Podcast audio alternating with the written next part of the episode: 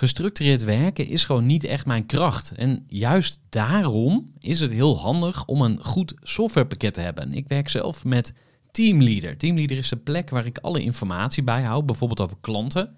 Waarin ik offertes maak en verstuur en die digitaal laat ondertekenen. Waarin ik facturen verstuur, waarin ik lijstjes bijhoud, waarin ik projecten kan managen, waarin ik standaard e-mails kan programmeren. Kortom, ik gebruik Teamleader om alle werkprocessen van mijn bedrijf te stroomlijnen. En zeker ook als je met een team werkt, is het heel fijn om over dezelfde informatie te beschikken. Nou, als je ook benieuwd bent of er mogelijkheden zijn om jouw bedrijf meer te stroomlijnen, of je nu alleen werkt of met een team, ga even naar teamleader.nl slash groeivoer en je kunt dan vandaag nog een trial starten voor twee weken lang, gratis. En je kunt Teamleader volledig uitproberen. En na de proefperiode krijg je ook nog zo'n leuke korting als luisteraar van Groeivoer. Ga naar teamleader.nl slash groeivoer. Gooi voor. Gooi voor. Gooi voor. Zoek je inzicht, inspiratie voor je eigen bedrijf. Wil je elke dag iets leren? Luister dan naar Gooi voor. Ja, welkom bij weer een nieuwe aflevering van de Groeivoer podcast, waarin je kennis gaat maken met Marnix Geus. Marnix begon in 2005 het PR-bureau, succesvol PR-bureau uit Amsterdam. Later begon hij Blight, een B Corp. Nou, wat dat is hoor je in deze aflevering. En daarnaast begon Marnix ook met een non-profit initiatief, The Present Movement. En wat ze daar doen is ondernemers verbinden aan initiatieven die gericht zijn op vluchtelingen en andere nieuwkomers in Nederland. Inspirerende ondernemer. Je hoort wat Marnix ertoe gebracht heeft om aan de slag te gaan met het uh, certificaat B Corp. Je hoort meer over zijn rol bij Blight. Je hoort vele groeilessen. Ik wens je heel veel luisterplezier met Marnix Geus. Voor de kennis en ideeën van een interessante gast. Die zijn verhaal met jou Marnix Geus, van harte welkom bij de podcast. Dankjewel Gerard. Laten we eens beginnen bij eh, de kleine Marnix. Voor de mensen die jou niet kennen, eh, stel ik vraag aan je vader of je moeder om jou eh, ja, te introduceren. Oh, dat is mooi. Ik ga straks naar mijn vader en moeder. Dus uh, ik zou kijken of ik het dan goed heb gedaan. Wat, maar hoop, uh, wat hoop je dat ze zeggen? wat hoop ik dat ze zeggen? Nou, ik weet wel wat ze zeggen. Dat, dat, ik was een, een klein dik mannetje, wat heel erg van eten hield. En ze noemden me een beetje Little Buddha. Heel tevreden mannetje ook. En ik had echt die hele basisschooltijd dat ik helemaal niet zo heel veel behoefte aan uh, heel veel sociale contacten. Dat kwam allemaal daarna pas. Dus ik kon me heel goed vermaken. En, en nou, Playmobil opstellingen die maakte ik nog tot aan de eerste klas van de middelbare school volgens mij. En tot ik op een dag wat teleurgesteld naar beneden kwam dat ik het toch niet helemaal meer leuk vond. En nou ja, dat was denk ik ook wel normaal op die leeftijd. Wanneer is het eerste ondernemersvonkje overgeslagen? Want je was dus geen kind die met een uh, limonadestalletje aan de, aan de weg stond? Nee, nee. Ik heb niet allemaal stoere jeugdverhalen over ondernemerschap. Ik kom uit een onderwijsgezin. Ja, het heeft denk ik wel te maken met mijn, mijn beste vriend Kees. Toen al een vriend uit de middelbare school en nog steeds een vriend. En negende generatie in een familiebedrijf. Bouwbedrijf van Dille. In Culemborg, niet al te ver Kees van vandaan. Dille, ja, Kees die, ken, Dille, die, ken je ken, hem? die ken ik. Ah, ja, zeker. kijk. Ja. Heb je hem al eens uitgenodigd? Nog niet. Nou, dat wordt tijd. Dat Ja. wordt tijd. Dat is een mooi verhaal heeft hij te Ja. vertellen. Ja, ik heb een keer uh, met hem een, uh, een rondje gelopen. Toen ging uh, hij mij coachen. En vervolgens stelde ik continu alle vragen. Dus dat ging niet helemaal lekker. misschien is een podcast dan een beter idee. Dit was vanuit en al groeit. Nee, via via volgens mij. Ah, Ja, ja dus, maar dat is dus jouw beste vriend. Maar ja, maar ik weet dus niet of het, of het vonkje daar. Uh, maar ik kwam bij hem over de vloer en dat ondernemerschap zat wel heel erg in dat gezin, in die familie. Sinds 1724. Dus dat is natuurlijk best speciaal. Dus misschien dat daar wel ergens een vonkje is, uh, is begonnen of zo. Maar we hebben wel in onze studietijd ook samen een eerste bedrijfje gehad. Dat was natuurlijk nog heel erg gekneuter en gedoe. Maar leerden we wel heel veel en het verdiende beter dan achter de bar. Dus dat was, dat was een mooie eerste kennismaking. Ja, en um, nou, laten, we, laten we eens gaan kijken naar je eerste echte bedrijf dan, als we het uh, zo mogen noemen. Want je Ja. hebt ook het PR-bureau uh, opgericht. Ja, Ehm, ja. Neem ons eens mee in die, eh, in die ondernemersreis. ja, dat was in 2005. Samen met één compagnon eh, gestart. Net, net voor we 30 waren nog. Het was ook eigenlijk een beetje een soort belofte aan mezelf. Na, die eerste, na het eerste bedrijfje met Kees was het inderdaad van... Ja, ik eh, ben heel eigenwijs, maar misschien juist wel goed om nog wat meer ervaring op te doen... en wat meer grijze haar om me heen te hebben. Ehm, maar wel van laat ik uitkijken dat ik dan niet op een gegeven moment een soort... eh, ergens zit en dan de golden change om- om me heen heb, zeg maar, waar ik aan vastgeketend zit en dat ik het niet meer durf of zo. Dus voor mijn dertigste wil ik weer voor mezelf beginnen. Dat was een soort belofte. Want je bent wel in loondienst geweest, dus. Ja, ik ben in loondienst geweest, eh, kort bij Twijnster Gudde en bij, eh, bij een eh, kleiner PR-bureau in Amsterdam, maar heel erg van dicht is daar Charles Huiskes. Heel erg op crisis, crisis PR. En daar nog wat geleerd voordat we het zelf gingen doen. Dus eigenlijk eh, biecht je nu op dat je loonslaaf geweest bent, maar eh, heel snel ja, daarna. Er zijn luisteraars, toch? Ja, sorry, sorry. Nee, omdat je over grijze haren begon, dacht ik van, hé, maar eh, wat ging je, wa- waar vluchtte je dan van weg? Maar je wilde dus eigenlijk toch wel graag ook voor jezelf iets doen? Ja, maar ik had ook nog geen, ik had geen plan nog of zo. Hè? Dus ik had ook zoiets, ja, wat, wat, wat, wat kan ik nou helemaal?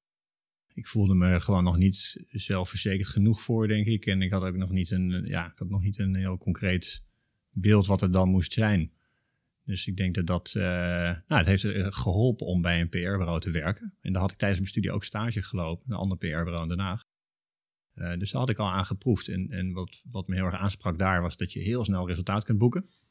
En daar houd ik wel van. Dus dat je ergens mee bezig bent nu en vanavond is het op het nieuws te zien. Dat vind ik te gek. Dus zo is eigenlijk, eh, ja, zo is eigenlijk dat, de, werd dat duidelijk. Dacht ik van, nou, hier heb ik blijkbaar gevoel voor en, en misschien moet ik dat zelf gaan doen. En eh, wat is dan een wapenfeit uit, die, eh, uit jouw PR-tijd? Nou ja, het grappige is, het zit dan toch wel heel snel weer in de ideële sferen of zo, denk ik. Dus we hebben Ilko van der Linden bijvoorbeeld met Masterpiece erg geholpen. Zij was ook oprichter van Dance for Life. Het was fantastische vre- vredesconcerten over de hele wereld organiseren. Dus ik vond het heel gaaf om bij dat soort dingen betrokken te raken. Maar goed, ja, in, in het begin eh, was het helemaal te gek van gewoon grote klanten, grote namen. Hè. Dan eh, was de Unilevers en de Friesland Campina's en de Spotify's en Netflix. En je, dat soort, als dat allemaal binnenkomt, is fantastisch. En het maakt je heel trots en dat vier je met het team. Maar eh, nou, er komt ook een moment waarop dat allemaal niet meer zo heel veel doet. en als het eigen enthousiasme dan wat begint af te nemen als zo'n eh, hele grote club binnenkomt, moet je natuurlijk ook afvragen of, eh, of jij datgene bent die, eh, die erin moet blijven zitten. Daar gaan we het sowieso nog over hebben, maar Ja. misschien toch e- eerst nog even terug naar dat allereerste begin. Hè? Dus je had een Ja. compagnon, je begon het PR-bureau. Starten jullie in Amsterdam, waar je nu ook eh, woont? Of eh, Ja. waar zijn jullie begonnen? begon in Amsterdam eh, bij een reclamebureau in. Dus dan mocht, het was heel leuk, dus dan mochten we daar twee bureautjes huren. En dat was gespreid bedje, want dan hadden ze alle faciliteiten al in een garage. Dus dat was dan altijd wel op een of andere manier beginnen heel veel bedrijven in een garage. Eh, we hadden natuurlijk 0,0 budget en we wilden niet thuis starten. Dus dit was de oude bandgarage, oude garage in, eh, in Amsterdam-Zuid. en in de zomer ging die hele deur open en dan werden de bureaus naar buiten eh, gezet en veel geborreld en feest gevierd. Maar vooral door het reclamebureau, want wij waren gewoon takhard aan het werk. Want het ging meteen wel redelijk eh, eh, vlot. Al na, na drie maanden de eerste werknemer eh, aangenomen. En we groeiden daar al heel snel uit eigenlijk. Er moesten elke keer bureautjes bij. Tot eh reclamebaas daar eh Rob Sikking zei van... Ja jongens, het wordt wel tijd om eh, te gaan wieberen nu.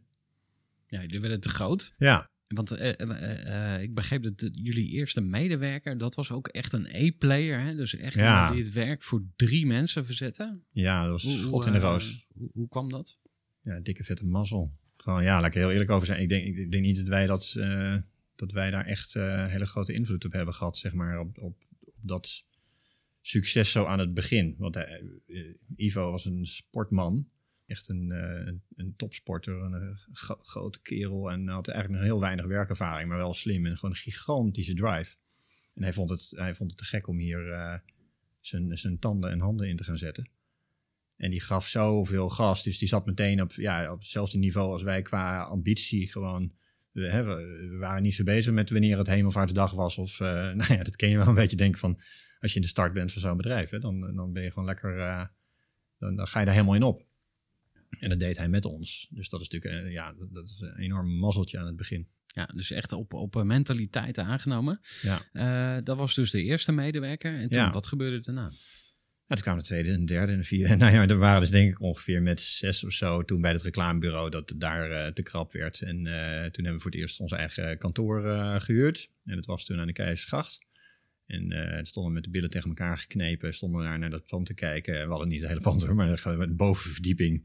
Toch spannend. Eh, is zeker spannend. Het was wel, ja, het was serieus. Voor vijf, voor vijf jaar tekenen. En eh was voor ons een grote stap toen. Want hoe heette jouw compagnon bij het PR-bureau? Jacqueline Bosselaar, ja. Dus, dus ja, wij stonden met z'n tweeën daar wel even tegenaan te hikken, maar toch gedaan. Dus we waren ook verliefd op die locatie en ook, ook vanuit gewoon de jonge hondenenergie. En ja, waar doen we nou allemaal voor? Toch ook gewoon om het plezier te hebben. En eh, ja, we gaan het wel ontdekken. Als het misgaat, gaat het mis. Maar eh, we zaten daar natuurlijk wel eh, nog steeds heel hard te werken. En in de zomer naar mensen waterfietsen in ontbloot bovenlijf te turen. En dachten we af en toe, oh, dat willen we ook wel. Ja, Maar goed, ja. we hadden, we hadden goed uitzicht. Hey, en ehm, het bedrijf is uiteindelijk doorgegroeid naar 40, 50. Ja, vij- Of, eh, was op een 50 gegeven moment op de een soort- piek. Ja, Ja. En Ja. dat was ook een korte piek. Dat was eh, eind 2014. Eh, toen waren het 50 mensen inderdaad. En dan nog, hè, dat was de optelsom van de verschillende bedrijfjes. Want we waren meerdere bureautjes begonnen. Dus dat was de hele groep eigenlijk. En dan kunnen een, een hoop freelancers erbij. En werkstudenten en stagiairs. Dus als we een kerstdiner hadden. nou, dat was dat jaar wel. eh, was toen bij Hutspot zaten wel een 80 man of zo. dat is bizar. Om zoveel mensen dan. Nou, is wel echt ook een van mijn happiest moments in, in die tijd. Hè, van, eh, en niet vanwege het aantal mensen, maar gewoon zoveel leuke mensen bij elkaar die zo betrokken waren en die er allemaal aan mee hadden, aan bij hadden gedragen, mee hadden geholpen. Het gaf me een heel rijk en, eh, dankbaar gevoel. want ehm, je hebt goede herinneringen aan die tijd. Je hebt ook wat minder goede herinneringen natuurlijk aan het PR-bureau. Wat, wat springt er dan voor jou uit? Ja, nee, ja, ik vond het eh, de rol waarin ik zit, hè, als een soort van, eh, of zat, een soort van algemeen directeur. Ik denk dat op een gegeven moment dat, dat wel de soort van direct daaruit was. Liet ik het ook wel merken aan mijn zakenpartners. Hè. We hadden op een gegeven moment nog twee zakenpartners ingekocht. En eh, dan kom je in zo'n, dan heb je een partnergroep, hè, dan heb je partneroverleg. En daar begon sowieso wel mijn energie wat meer te lekken. Dat ik merkte van ja, het wordt, er komt in één keer een soort stroperigheid in. En het wordt allemaal wat trager. En we moeten natuurlijk allemaal wat van vinden.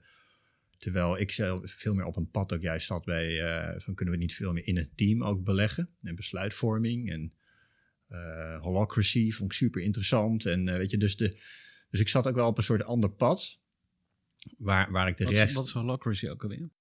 Ja, ja, dat je echt de, in, in vergaande vorm eh, power to the people eh neerlegt. Hè? Dus de, de besluitvoering, zelfsturing. Hè? Dus dat, dat, is niet, ehm, dat is niet meer dat je dus met elkaar in een hokje gaat zitten en gaat zitten, zitten bepalen wat er goed is voor het bedrijf. Maar gewoon gebruik maakt van eh, de wisdom of the crowd eigenlijk.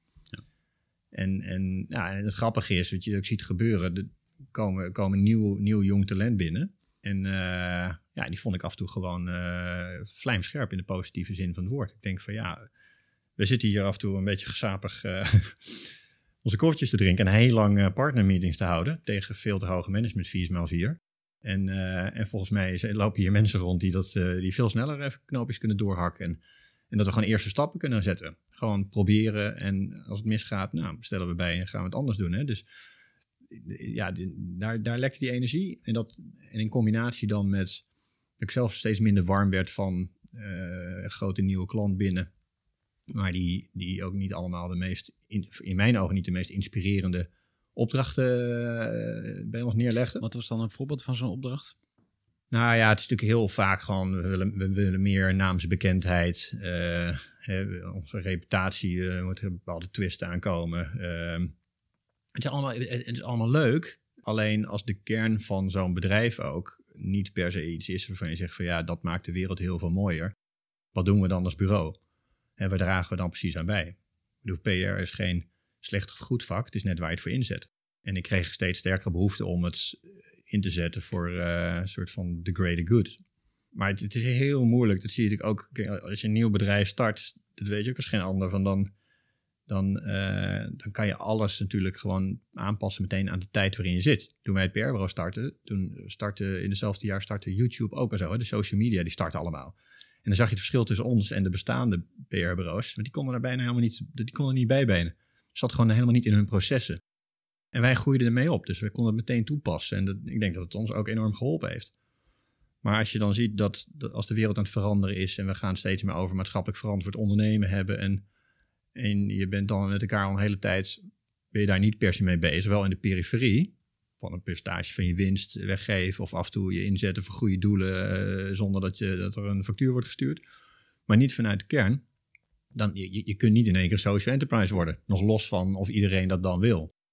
En op dat vlak voelde ik die drive ook niet uh, in onze uh, partnergroep. En Nee. die voelde ik trouwens wel bij uh, een aantal mensen in het team. Maar die Ja. ging ook weg en zo. Hmm.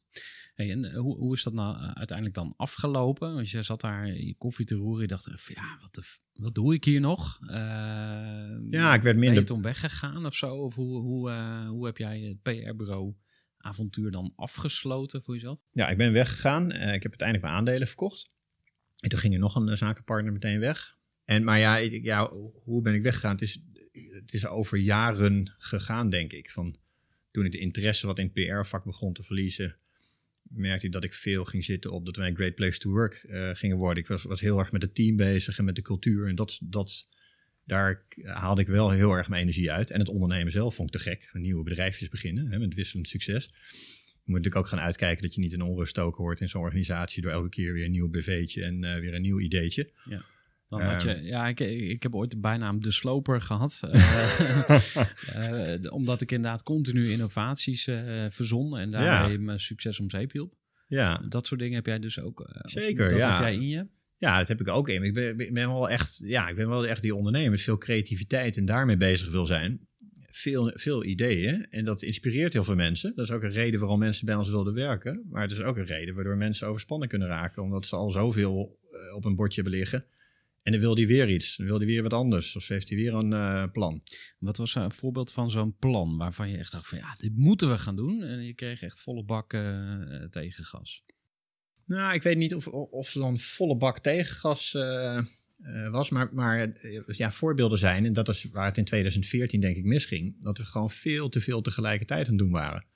Dus het was eh, een, een nieuwe BV starten in, eh, in eh, België.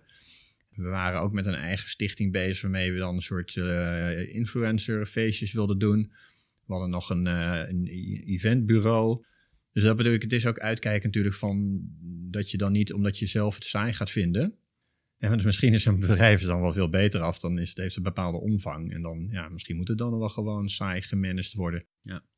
Ehm, en mijn zoektocht dus naar zelfsturing, zeg maar, daar zag ik nog wel weer dan een nieuwe toekomst in. Die, die stranden gewoon ook wel weerstand en wat angst, eh, denk ik, bij, eh, bij mijn zakenpartners. En als partners heb je ook het meeste verliezen daarin, voor je gevoel. Hè?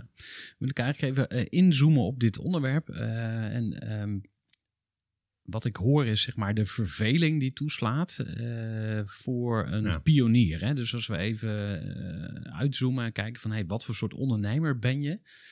Nou, dan zou je kunnen zeggen, hey, eh Marnix is echt een pionier. Die houdt Ja. van nieuwe dingen. Ja. Ehm, wat zijn nou jouw lessen over je eigen pionier zijn? Ja, kijk, mijn les is gewoon, ik ben, er te, ik ben te laat uitgestapt. Want ik heb ook roofbouw op mezelf gepleegd. Ik had te veel stress, kreeg ik ervan. Eh, het was gewoon, eh, ik denk veel eerder uit. Ik heb twaalf jaar gedaan. En, en ik weet dat de meeste bureaudirecteuren blijven er zitten tot een pensioen. Want je kunt er natuurlijk heel lekker in zitten. Je hebt je management fee, als het goed gaat, nog een dividend. Je kunt je eigen baan zelf bepalen, elk jaar weer. Je kiest je eigen mensen uit. Ik bedoel, het is een soort walhalla. En daarom zie je niet zoveel mensen dan radicaal andere dingen doen. Even een korte onderbreking met een belangrijke vraag aan jou. Want wat heb jij geregeld voor het geval je van de ene op de andere dag zou komen uit te vallen? Wat gebeurt er dan met je bedrijf, maar vooral wat gebeurt er met jou persoonlijk en ook in financieel opzicht? Samen met ASR voerde ik drie openhartige gesprekken over tegenslag en veerkracht. En dat deed ik met Saskia, Vincent en Pieter. Ondernemers met een bloeiend bedrijf die van de ene op de andere dag niet meer konden werken. En die verhalen hoor je in aflevering 256, 257 en 258 van deze podcast. Als ondernemer wil je natuurlijk niet uitvallen. En daarom is het belangrijk dat je veerkrachtig bent, want voorkomen is beter dan genezen. En als het dan toch misgaat, is het fijn dat je iets geregeld hebt, zodat je weer snel door kunt met ondernemen. Wil je weten hoe veerkrachtig jij nu bent? Vul dan in twee minuten de veerkrachttest van ASR in. Ga naar asr.nl slash veerkrachttest ondernemers. Hoe zag die stress er bij jou uit? Uh, nou, het uitte zich uiteindelijk in uh, echt, echt heel ernstige fysieke klachten. In 2016 kreeg toen diagnose Lyme in, uh, in Duitsland. Maar daar ging al twee jaar aan vooraf. Waarbij ik ja, eerst aan, een soort oververmoeid raakte. En ook tegen mijn zakenpartner zei van... jongens, ze moeten een paar weekjes rust nemen. En die paar weken werden een paar maanden.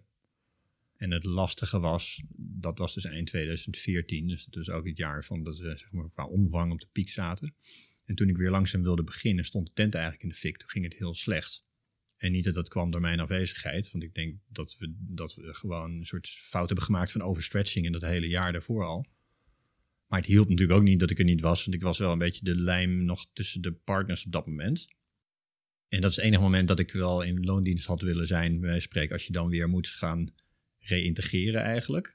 En je voelt je nog slecht, maar je wil langzaam dingetjes voorzichtig gaan proberen. En je eigen bedrijf gaat niet goed. Ja, dat gaat bijna niet. Dan ga je natuurlijk toch vol in. Ook al weet je dat voor je lijf wel slecht is. Vanuit verantwoordelijkheidsgevoel en de angst om het te verliezen en nou, noem maar op. Waardoor ik denk ik, ja, eh, mijn lichaam nog verder een klap heb gegeven.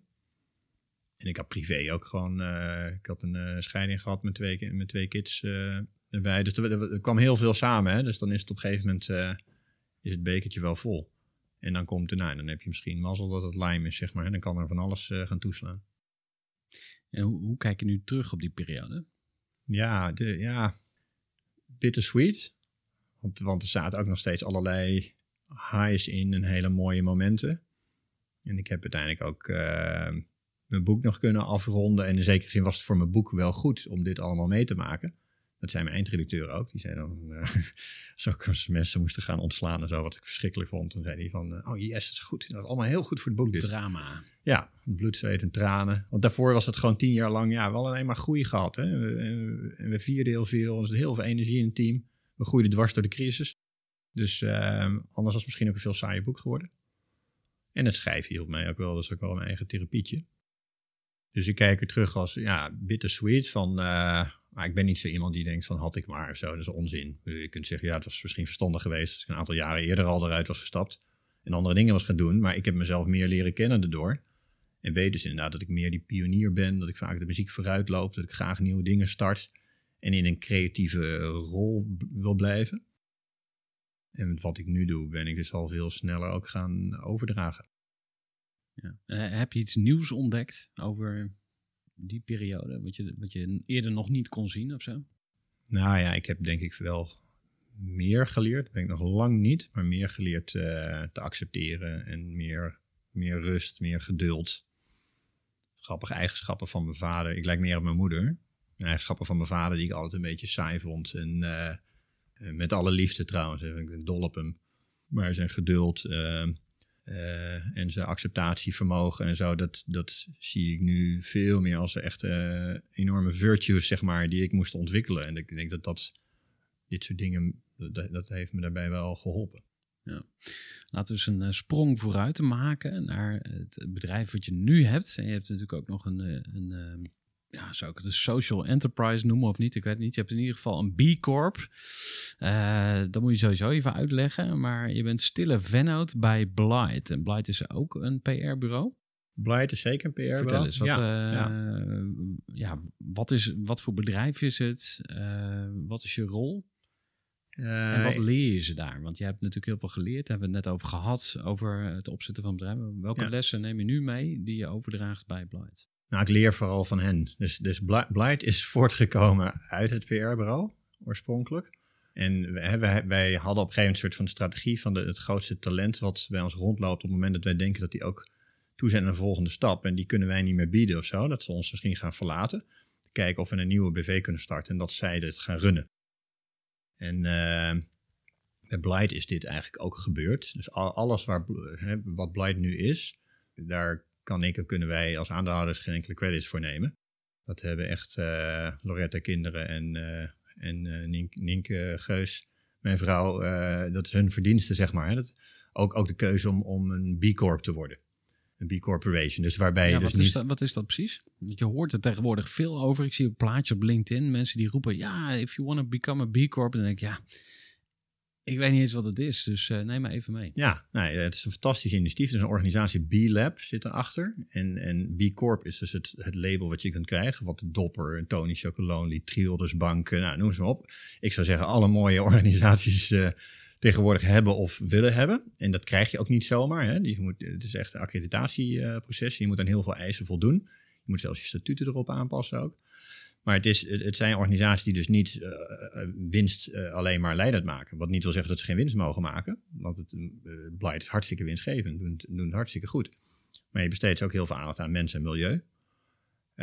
En Blight is een, is een PR-bureau, een klein PR-bureau, dus ongeveer tien mensen, die, die zich inzetten voor sustainable brands en social enterprises, zoals dat in goed Nederlands heet. Wat ze, ja, ik wou net zeggen. Duurzame merken. Ja, dat is bijna niet te doen om... in- om Nee, daar word je ook af te Ja. gek. Ja, duur- duurzame merken en, eh, en sociale ondernemingen. Ja. Maar je, je merkt nu zij B Corp zijn, dus ongeveer een jaar nu, dat alle aanvragen die binnenkomen allemaal in de roos zitten. Weet je? Dit, dus je voelt die beweging, dat er zoveel eh, bedrijven gewoon eh, dan wel intrinsiek gedreven, dan wel eens het gevoel hebben van we moeten. Vanwege maatschappelijke druk of werknemers die zeggen van wat gaan wij nou eigenlijk doen.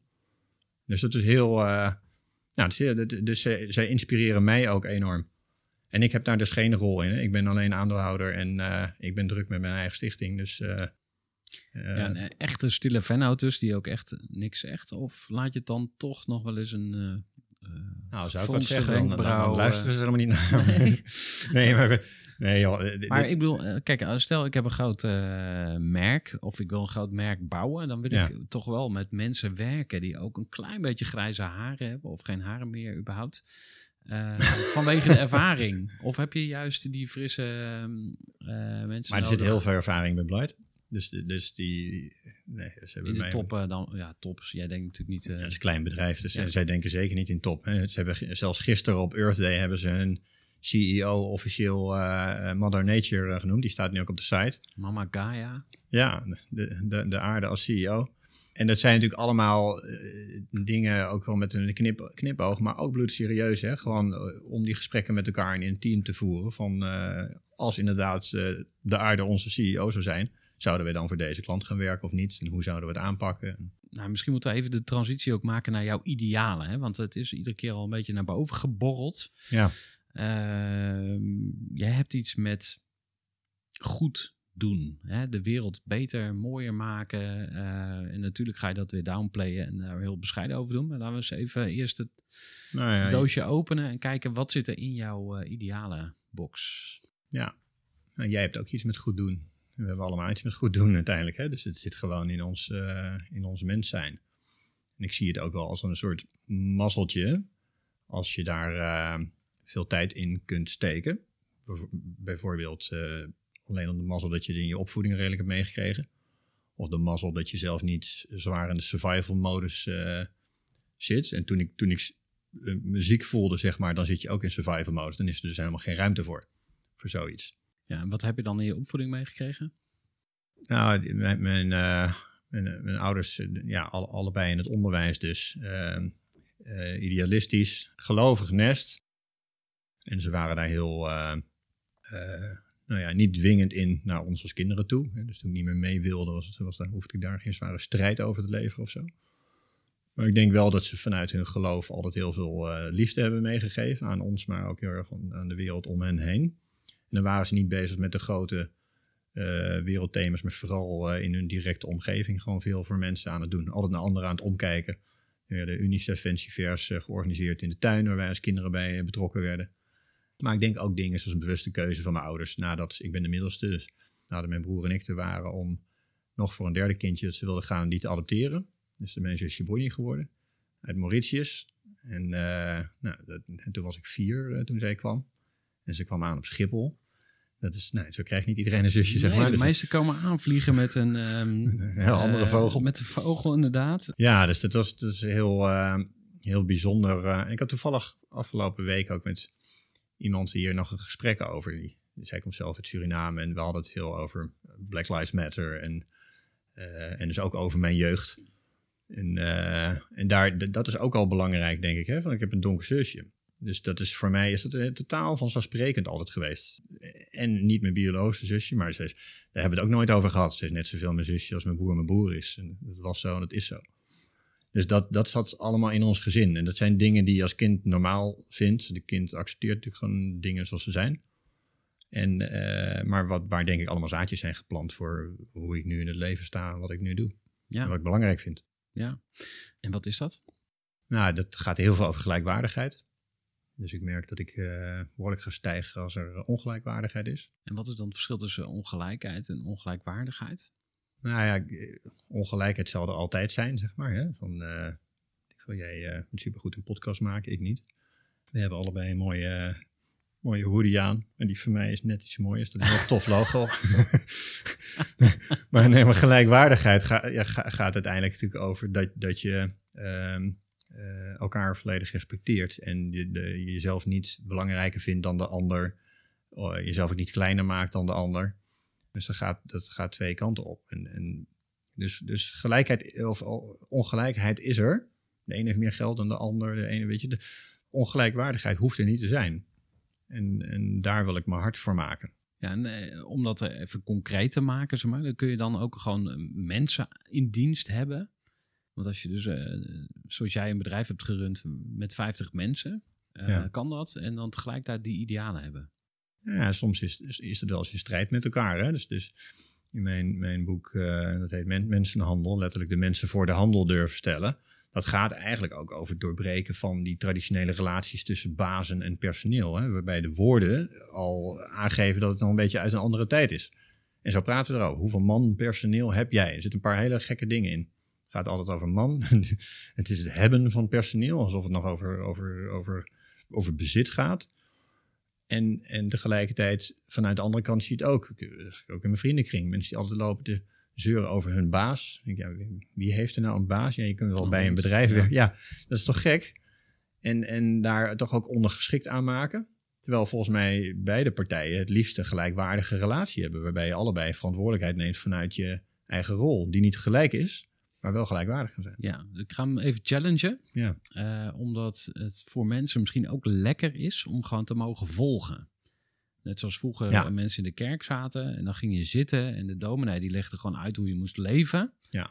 Lekker overzichtelijk. En nu zijn de dominees vervangen door goeroes en mensen die boeken schrijven en die zeggen van hey, je moet zo leven. En hè, de oprichter van B Corp, die zegt waarschijnlijk ook, uh, of hè, de uitvinder van, uh, van, van het uh, label, die zegt ook van zo moet je leven. Dus er is altijd iets van, mensen stellen zich ook afhankelijk op. Mm -hmm. En misschien dat je als, als leider, want jij bent ook een leider, dat je daar ook niet van weg hoeft te lopen. Dus ik zat gisteren met Giel Belen en ik vroeg hem van, oké, je hebt een boek geschreven, wat is nou eigenlijk je boodschap? Hij zei, ja, ja, nee, ik heb niet zo'n boodschap, want ik zeg, nou, volgens mij wel. En dan zei ja, ja, oké. nou ja, als ik dan één ding moet noemen, ja, liefde. Ik zei, hmm. oké, maar dat is dan toch gewoon je boodschap. Ga er dan ook gewoon voor staan. Dus dan, dan hoef je daar niet omheen te lopen. Dus je mag inderdaad ook zeggen van, hé, hey, ik, ik heb 20 jaar ondernemerservaring en jij niet. Ja. Maak maar geen beter mens. Ehm, maar ik hoor inderdaad wel eens mensen zeggen van, ja, ik wil geen personeel, want ik wil dat iedereen gelijk is of gelijkwaardig. dat, dat, eh, daarom ga ik in op, dat, op dat verschil tussen die twee. Ja. ja, dat is dus ook een heel duidelijk verschil. Maar je, je hebt wel een punt van wat ik, wat ik totaal onderschat heb, is dat mensen, uh, een aantal mensen zich, heel graag laat leiden. En, en uh, volgzamer is en vaak ook veel meer uh, piketpaaltjes wilt hebben van hoe, hoe moet ik mijn werk doen. En dat heb ik altijd heel erg onderschat, omdat ik zelf tegenovergestelde ben. Dus dan ga je vanuit jezelf lopen redeneren. En ik hou ervan om zo'n open mogelijk uh, blaadje te hebben en lekker te kunnen spelen. Hè. Dus dan hebben we het ook dus- een beetje over die kleuren, zeg maar. Van geel, rood, groen, blauw. Of wat voor menstype ben je? Wat voor ja, precies. En dat soort testjes zijn. Ja, ja. Maar goed, je moet je denk dus bewust worden van je eigen leiderschapstijl. En, en als er mensen zijn die hele andere behoeftes hebben. Dat was ook in mijn drang, waar we net over hadden, naar zelfsturing. Merkte ik ook wel een deel van het team daar ook wel wat weerstand op zat en zo. Ja, maar hoe werkt het dan uiteindelijk? En en hoe zit het dan met salaris, beoordelingsformuliertjes en salaris en ja. ja. ja, ik wil ook geen zinnen langer dan uh, 50 woorden, dan haak ik ook af. maar oké, dus dat vond je gedoe inderdaad. Eh, misschien even terug naar jouw betoog over leiderschap en waar je voor staat. Ja, dus, dus, dus die, die gelijkwaardigheid. Hè, want je vroeg eigenlijk vanuit die opvoeding ook van wat vind ik belangrijk. Nou, dan zeg ik ja, gelijkwaardigheid is dus, dus het eerste wat dan in me opkomt. En eh, ik sluit me direct aan bij, Giel Belen ook over het woord liefde. We durven het niet zo te gebruiken. En, en eh, zeker niet in de professionele omgeving. En dan word je meteen gelabeld natuurlijk als soft. En eh, wat natuurlijk bullshit is. Want we zijn allemaal op zoek naar liefde. En dat is het belangrijkste wat er is. Hè, het is alleen hoe vertaal je dat dan uiteindelijk naar de werkvloer? Hoe ga je met elkaar om? Met, met, met, met respect, met, ehm, eh, met waardering, vanuit dankbaarheid. Eh, hè, dat, zijn, dat zijn allemaal begrippen. En dan merk ik ook, dan, dan, dan, dan gaat het ook weer even terug naar de jeugd. En denk oh, kijk uit Johan, er zitten ook weer wat bijna een soort bijbelse termen in. Ja, ik Eh, denk aan de Daily Huddle, het, het dankgebed. We gaan Ja. soms even beginnen hè, met een rondje elkaar bedanken. En, Ja, hey, waar ben je dankbaar voor? Ehm, Oké. ja, ja. Maar Maar je zegt van daar wil ik dan toch een klein beetje van wegblijven? Of... Nou ja, ik, het, het is altijd zoeken naar welke taal eh, sluit aan bij mensen. Dus, dus weet je, ik, ik ben een verbinder. Ik denk dat verbinden is een heel, is ook een heel wezenlijk woord in wat ik belangrijk vind en wat ik doe en wat ik goed kan, denk ik. En als je wilt verbinden, moet je heel erg uitkijken met je taalgebruik en, en de voorbeelden die je geeft. En, eh en dan maak je zelf natuurlijk elke dag ook weer schuldig aan.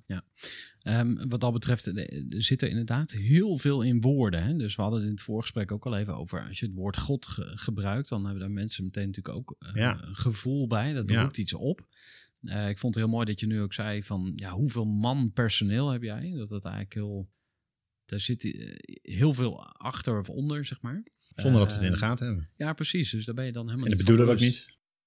Want hoeveel man personeel heb je dan bij eh, huidige business?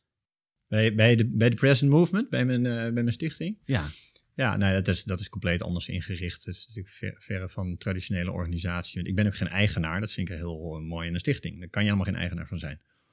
Dus ik zit in het bestuur en ik ben het begonnen.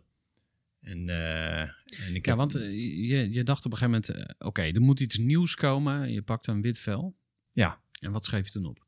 Ja, maar dan moet ik eerst even vertellen van wat het is. Hè. Dus dat is twee- 2017. Toen ben ik uit het BR-bureau gestapt, mijn aandelen verkocht. En toen ben ik in die zomer eerst lekker bijgekomen. En nu echt? ben- en nu echt, ja. En toen ben ik in die zomer ben ik, naar Lesbos gegaan. Omdat ik al die laatste jaren bij het PR-bureau eh, werd ik geraakt door wat, ik, eh, wat ik op tv voorbij zag komen. Ik had ook drie mensen in mijn directe omgeving die zeiden... ik ga er niet langer naar kijken. Ik pak het vliegtuig en ik ga erheen. Ik ga kijken wat ik kan doen. En dan, speelt dat drama zich daar af. En, en, en je zou verwachten, ja, dat, we zorgen dat die mensen snel van het eiland komen en gaan dingen regelen. Maar dat ging, dat, dat, er was helemaal, helemaal niet zoveel. Hè? Dus de eerste hulpverleners die daar op het strand stonden, die, die keken achter zich om. eh, van hier zullen, zou direct wel de grote NGO's staan en zo. Het, het was allemaal nog helemaal niet. Dus ehm, ja, ik vond, ik vond het shocking dat mensen op vlucht vanuit oorlog in, in die situatie kwamen en dan in die. Nou, en nu nog steeds, dus zoveel jaren later, daar in, in, in kampen zitten. Die verschrikkelijk zijn, waar ik binnen ben geweest eh, meerdere keren. En die, die echt eh, verschrikkelijk zijn. En ik heb best wel wat gereisd en ook in ontwikkelingslanden geweest. En eerder ook met NGO's in die landen dingen gedaan. Maar hier sta je te praten met een huisarts, een vrouw en, en een paar kinderen die, die, die een leven had in Aleppo.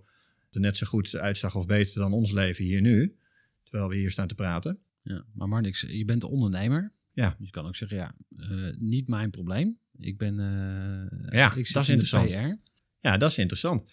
Want, dat, want zo is het eigenlijk nog, eh, en zo heb ik ook een hele tijd al eh, eh, gedacht uiteindelijk. Dat is een verhaal waar we voor, gro- voor een groot deel nog in geloven. Dat we zeggen, ja, een ondernemer, die moet inderdaad bezig zijn met het bedrijf en, en, en, en winst maken. Ik speel even advocaat van de duivel. Hè? Dus voor de mensen die denken dat ik de duivel ben. Ik vraag natuurlijk bewust die, die, die vraag Ja. om, om dat van Ja. jou eens te horen. Ja, ik ben heel blij dat je dat soort vragen stelt. En, en, ik, en ik snap hem ook. Heb ik, hebben laatst met mijn vrouw bij de, bij de School for Change hebben we hier een heel eh, een masterclass over gegeven. Wat, wat eigenlijk ging over symptoms, eh, systems en stories. Drie keer S. Dat we zeggen, oh, als we systeemverandering willen. We zien heel veel negatieve symptomen van de huidige systemen, op milieugebied, maar ook op het gebied van mensenrechten. Als we systeemverandering willen, dan moeten we die verhalen eh, veranderen. En daar komt mijn oude PR-vak ook weer een beetje naar boven. Dus het verhaal bijvoorbeeld over de ondernemer is er gewoon om een bedrijf neer te zetten en winst te maken. En maatschappelijke problemen, dat is dus iets dat moet de overheid maar regelen of daar zijn NGO's voor. Dat verhaal. Dat verhaal, want dat, Ja, maar het is een verhaal. Dat, dat Ja. is aan zich al, eh, daar sta je nooit bij stil, want het is eh, een realiteit. Maar het is eigenlijk een, Ja, gecreëerd verhaal. Alles is een verhaal inderdaad. Als je naar die, die, die boeken kijkt van, eh, van Harari, hè, Sapiens en Homo Deus. Hij, hij zegt, wij zijn de enige diersoort eigenlijk die eh, op, op, op zo'n grote schaal kunnen samenwerken. Omdat wij in staat zijn om verhalen te Ja. creëren. Precies. En hij gaat daar best wel provocerend doorheen. Hè? Dat hij zeg maar, ja, het christendom is een verhaaltje. Het merk Renault is een verhaaltje. Geld is een verhaaltje. hè, Dat is een concept. Dus Ja, bullshit of niet? Of nou, welke verhalen zijn dan... Nee, ja, want dat is dan het gevoel. Net op het moment dat je het woord verhaal gebruikt, dat je dan zegt, ja, is, is het dan niet waar? Dat is, ja, het wordt waar. Het wordt sowieso waar als we natuurlijk met genoeg mensen daarin geloven. Het, het is een belief system, zeg maar. Dus op het moment dat, dat dat verhaal verandert, dat wij zeggen, ja, ondernemerschap gaat juist ook over zorgen dat wij een betere wereld maken. Want het is heel hard nodig en die ondernemerskracht is zo'n bijzonder eh, talent ook. Er zit zoveel creativiteit en daadkracht in. Dat is wat we nodig hebben voor de grote uitdagingen van deze tijd. Dus op het moment dat, dat daar meer mensen het mee eens zijn dan met het oude verhaal, dan gaat dat gebeuren. En dat zie je dus bij de B Corps en, en bij de Impact Hubs. En, eh, en, en daar dragen initiatieven bij zoals eh, Earth Day en, of World Overshoot Day en zo. Het gaat, het gaat allemaal over bewustwording en het vergroten van kennis. Waardoor we anders eh, andere dingen gaan geloven en dus ook anders gaan handelen. Even terug naar het eh, blanco vel papier. Ik ben Ja. constant aan het afleiden met eh, subvragen. Nee, maar ik, ik ga ook alle kanten op. Dus het is heel goed dat jij me bij de les houdt. je, je, je, je zag dat gebeuren daar op Lesbos. Je dacht, daar moet ik naartoe. Dus je bent die kant Ja. op gegaan. Ja, Dat was nadat je boek geschreven had? Of? ja, ja. ja? Ehm, en toen? ja en toen, toen dacht ik eigenlijk eerst van... Ik, ik wil ondernemers ook daar naartoe brengen. Want ik voelde aan mezelf ook... voelde op een of andere manier nog steeds als ver van mijn bedshow... terwijl het gewoon zo dichtbij gebeurt. Dus ik dacht, wat, wat moeten we dan nog doen? Wat kan je dan nog doen? Dan is misschien de enige manier om letterlijk je bed te verplaatsen. Dus ik dacht, als we nou een soort estafette doen... dat ik ga daarheen en ik probeer al, alvast een beetje eh, het netwerk daarop te bouwen... van eh, NGO's en eh, de Grieken te spreken en vluchtelingen te spreken... de problematiek in kaart te brengen vanuit mijn perspectief dan. En vervolgens ga ik, ga ik jou bijvoorbeeld vragen van... eh, nou Gerard, wil, jij eh, naar mij erheen? En ik koop voor jou een vliegticket met de belofte... dat jij hierna een vliegticket voor de volgende koopt. Ehm, eh, om, om je te activeren, zeg maar. Want ik denk, geloof dat als je daar dan geweest bent... niet dat je daar dan zoveel kunt doen als ondernemertje in je eentje. Zo zag ik het ook niet voor me. Maar wel van als je terugkomt... dat je dan eh, ja, gewoon... Fired keer- up bent? ja, precies, fired up. Dus ik denk ik het juiste woord van, van wauw, wat heftig. En eh, eh, wat zou ik nu met mijn talent vanuit Nederland daarmee kunnen gaan doen? Ik dacht, zo kunnen we misschien een hele community creëren. Nou, had ik met een paar ondernemers besproken. Ik had er zelfs al wat toezeggingen. Maar goed, je raadt het al, toen ik terugkwam, de, de volgende ondernemer zei, ja, nou, ik heb, ik heb vliegangst. Nou, en ik zag een paar, paar maanden later met zijn vriendin was hij weg naar Spanje. En eh, de volgende zei, ja, misschien volgend jaar, ik ben nu wat druk. Dus dat ging hem niet worden. Dus toen heb ik een andere manier gezocht. En dat is gewoon het beproefde eh, recept van meetups organiseren.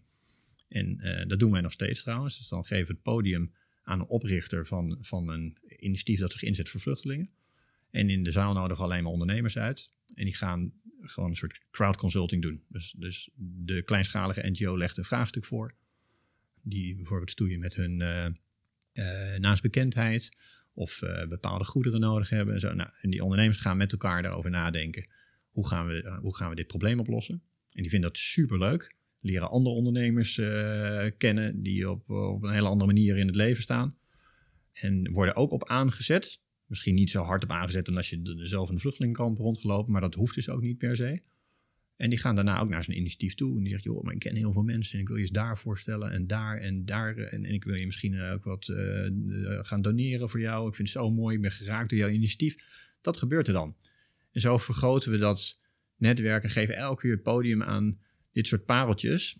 Want, want toen ik op Lesbos was, ik zag dat er ook al heel veel was. Hè. Er waren al prachtige initiatieven. Heel veel bijzondere mensen.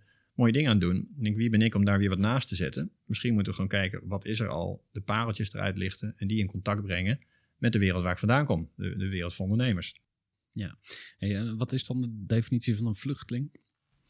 Ja, dat, dat, is, eh, dat is ook een hele goede vraag. Dat is eigenlijk is iemand die van land verplaatst, om, om, omdat dat moet, hè, uit, uit nood, voor lijf en leden, zullen we zeggen. Dus terwijl de, de meeste mensen die ehm, op de vlucht eigenlijk zijn, verplaatsen nog binnen het land, maar dan ben je niet officieel een vluchteling vol- volgens eh UNHCR.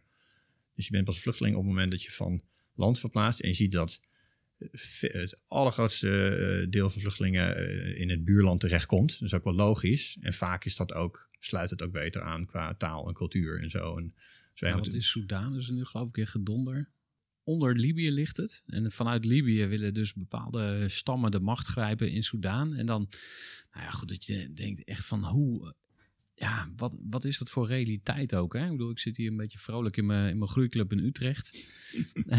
Dat moeten we ook vooral blijven doen. Hè? havermelk cappuccino te maken. Maar ja, eh, nou, ik had al geen havermelk in huis. Maar what the fuck, we zitten in zo'n luxe positie. En toch zijn we nog steeds bezig om meer luxe te creëren. In ieder geval, Ja. ik, ik, ik heb dat gevoel van ja, ik, ik ben nog aan het bouwen. En Maar wanneer is het af? Ja, wanneer nou ben je ja. er klaar voor om Ja, te gaan delen of zo? Heb jij daar een idee bij? Ja wat, dat, wat, wat, wat komt erbij op? Nou, weet je trouwens, eh, een paar podcasts eh, geleden, ik ben zijn naam even kwijt, van die eh, event van eh, Crowd About You. die had je hier? Uh, Crowd About Now, ja, Mark. Crowd, Crowd About Now. eh, Maar hij zei, jij stelde hem een vraag over eh, wa- wanneer is het genoeg ook qua geld of zo, geloof ik, eh, persoonlijk geld. En hij zei iets heel moois. En ik dacht van, oh ja, lastige vraag, want het is natuurlijk zo, zo, zo particuliere meningen worden er dan. Ja. Maar, maar hij zei van, ja, wanneer je gaat eh, afzonderen van anderen of zo. En ik Ja. vond dat heel mooi. En ik dacht van, ja, op het moment dat je inderdaad een hele grote file hebt, eh, en, ik, en ik gun het iedereen, hè. Ik wil, ik denk niet dat we met elkaar eh, over elkaar moeten gaan oordelen, want dan ben je tegenovergestelde aan het doen van verbinden.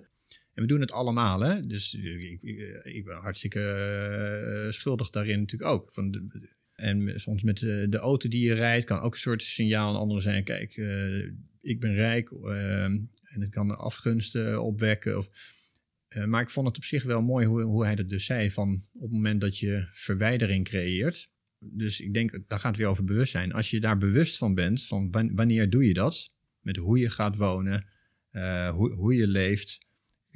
Natuurlijk zou er ongelijkheid zijn, wat we net zeiden. Van de een is rijker dan de ander en de een heeft meer talent dan de ander.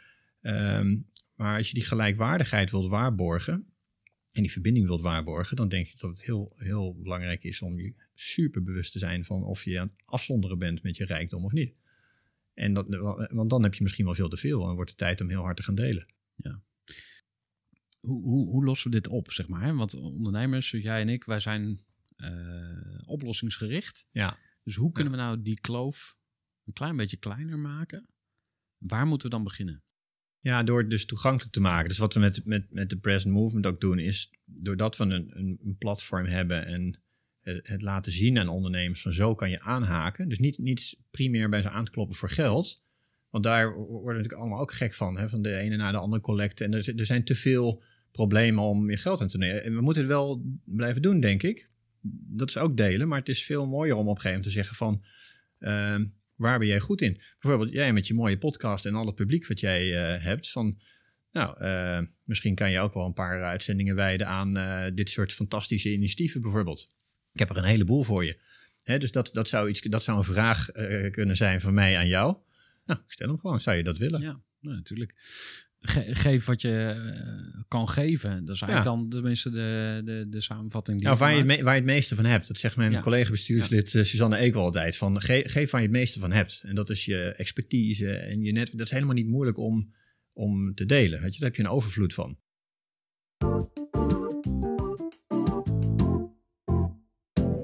Gaan al richting afronding. Ja, ik was er al bang voor. Maar blijf nog even hangen, want we gaan iets horen over jouw eh, nieuwe boek. Want eh, je hebt eh, je eerste boek Mensenhandel. eh, ontzettend inspirerend boek. Wat mensen ook nog steeds kunnen kopen. Maar er komt een nieuw boek. En ik ben heel benieuwd wat daarin staat. Ja, dat, dat heet Het Ideale Boek. En dat gaat dus over idealen. Ehm, en ik interview daar allemaal changemakers hebben we weer zo'n woord. Uh, wereldverbeteraars op tal van terreinen en ook internationaal. Het wordt geen bundeling aan interviews van deze mensen, maar ik ga, ja, het moet eigenlijk een soort, een soort uh, handleiding worden voor mensen die zelf heel graag in beweging willen komen. Een movement willen starten, een eigen stichting, een social enterprise, een, een initiatief, maar lekker ambitieus. Maar hoe doe je dat dan? En ik merk dat heel veel mensen willen. Hè, Rutger Brechtman heeft helemaal gelijk, de meeste mensen deugen.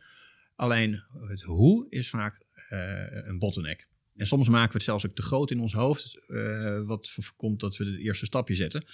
En, dan kijken we met bewondering naar al die geweldige initiatieven die er al zijn. En vergeten we even dat die ook allemaal begonnen zijn met één persoon die het ook allemaal helemaal niet zo goed wist. Uh, en maar gewoon ging aanlopen klooien. Ja, mijn eerste meetup van de present was, was ook met mijn eigen familie en vrienden die me een beetje kwamen supporten. Want daar moet je beginnen. Ja, ja, ja. ja. ja. ja heel, heel um, uh, herkenbaar. En volgens mij zit hier een hele grote les in ook, uh, die ons nu meegeeft. Begin klein en uh, focus je vooral op echt gewoon een verschil maken. ik herken dit trouwens heel erg van de ondernemers, ook waar ik mee werk. Niet omdat die alleen maar dat probleem hebben, maar hey, je leest een managementboek. Uh, of het nou van Vern Harnish is of, of welke ja. auteur dan ook. Maar dan denk ik, ja, het goed verhaal. En nu? Maar hoe, weet je wel? Ja. Zo'n daily huddle ook, om maar een voorbeeld te noemen. Ja, dat moet dan om uh, 9 uur 12. Nog elke keer als ik op een klokje zie, op mijn, op mijn, tele- of, op mijn horloge, 9 uur 12, denk ik, oh ja, huddeltijd. Dat zit er nog helemaal ingeramd. We hadden die tijd gekozen ja. voor de dagelijkse, voor dagelijkse werkoverleg. Dus die is dan misschien wel heel concreet. Uh, maar dat is dan weer heel lastig volhouden. En zo zijn er talloze voorbeelden van, je weet wel uh, dat je er iets mee wilt, maar hoe dan en hoe hou je het ook nog vol? Ja. Uh, dus als we daar meer over willen leren, dan gaan we straks het idealenboek bestellen. Wanneer ligt het op de plank? Geen idee nog. Ik denk, ik, ik hoop te eind dit jaar, maar ik denk dat het al volgend jaar wordt. En ik heb begin deze week met een uitgever gesproken die het wil gaan uitgeven. En dat voelde heel goed. Ik ben nog iets breder aan het oriënteren. Maar uh, ja, we gaan het wel zien. Ik laat mezelf ook een beetje verrassen. Dat is dat loslaten en geduld uh, wat ik iets meer heb geleerd dan, dan vroeger. Ja, mooi. Nou, we gaan je zeker ook nog terugzien bij de Groeiclub. En januari wordt er een heel tof event georganiseerd door mij in Leusden. Cool. En daar gaan we 850 ondernemers bij elkaar brengen in de zaal. En er wow. zitten ook knijters veel ondernemers bij die echt wel heel graag iets goeds willen doen. Dus ik wil je heel graag uitnodigen om daar ook uh, naartoe te komen. En neem vooral ook uh, andere ondernemers mee. Gek. Um, we gaan nog even buiten in het zonnetje napraten. Het lijkt me geen straf. Maar voor nu wil ik je danken voor uh, je komst naar de studio en voor je bijdrage aan deze podcast. Jij bedankt, Gerard. Erg leuk. Ja, dankjewel voor het luisteren. En ik hoop dat je met heel veel focus hebt kunnen luisteren. En focus, of eigenlijk beter gezegd het gebrek daaraan, is voor heel veel ondernemers een uitdaging. Nou, dat is waarom ik de Groeiclub voor Ondernemers ben gestart. Ik help ondernemers om koers te houden. En dat doen we door elkaar scherp te houden. En als jij het interessant vindt, kom dan een keer kijken bij de Groeiclub voor Ondernemers. We hebben elke week een online sessie met elkaar. En één keer per maand zien we elkaar uh, live, fysiek. Dus uh, op een fysieke locatie. Nu corona uh, ja, aan het wegtrekken is, om het even zo te zeggen, gaat dat ook weer kunnen. de eerstvolgende bijeenkomst is op 3 juni. Er zijn nog een paar plekjes vrij. Daar kun je bij zijn. En kom anders een keer ja, via Zoom bij ons langs. Vond je dit een waardevolle aflevering? Stuur deze dan even door aan iemand in je netwerk, een andere ondernemer waarvan je denkt van hey tof, die mag dit ook gaan horen. En als jij een review achterlaat, dan krijg jij een groeivoer verrassingspakket. Dat kan op je iPhone in de embedded app. En als je dat via Android wil doen, stuur mij even een mailtje info@groeivoer.nl. Dan krijg je van ons de link. Tot zover deze aflevering. Dankjewel voor het luisteren en graag tot een volgende keer. Groeivoer.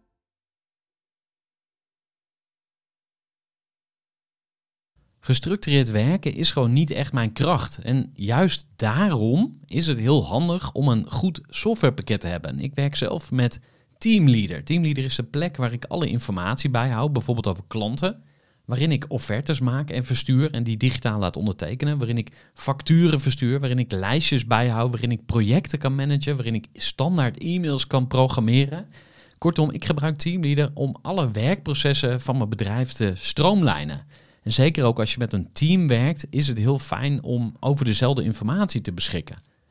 Nou, als je ook benieuwd bent of er mogelijkheden zijn om jouw bedrijf meer te stroomlijnen, of je nu alleen werkt of met een team, ga even naar teamleader.nl slash groeivoer en je kunt dan vandaag nog een trial starten voor twee weken lang, gratis. En je kunt Teamleader volledig uitproberen. En na de proefperiode krijg je ook nog zo'n leuke korting als luisteraar van Groeivoer. Ga naar teamleader.nl slash groeivoer.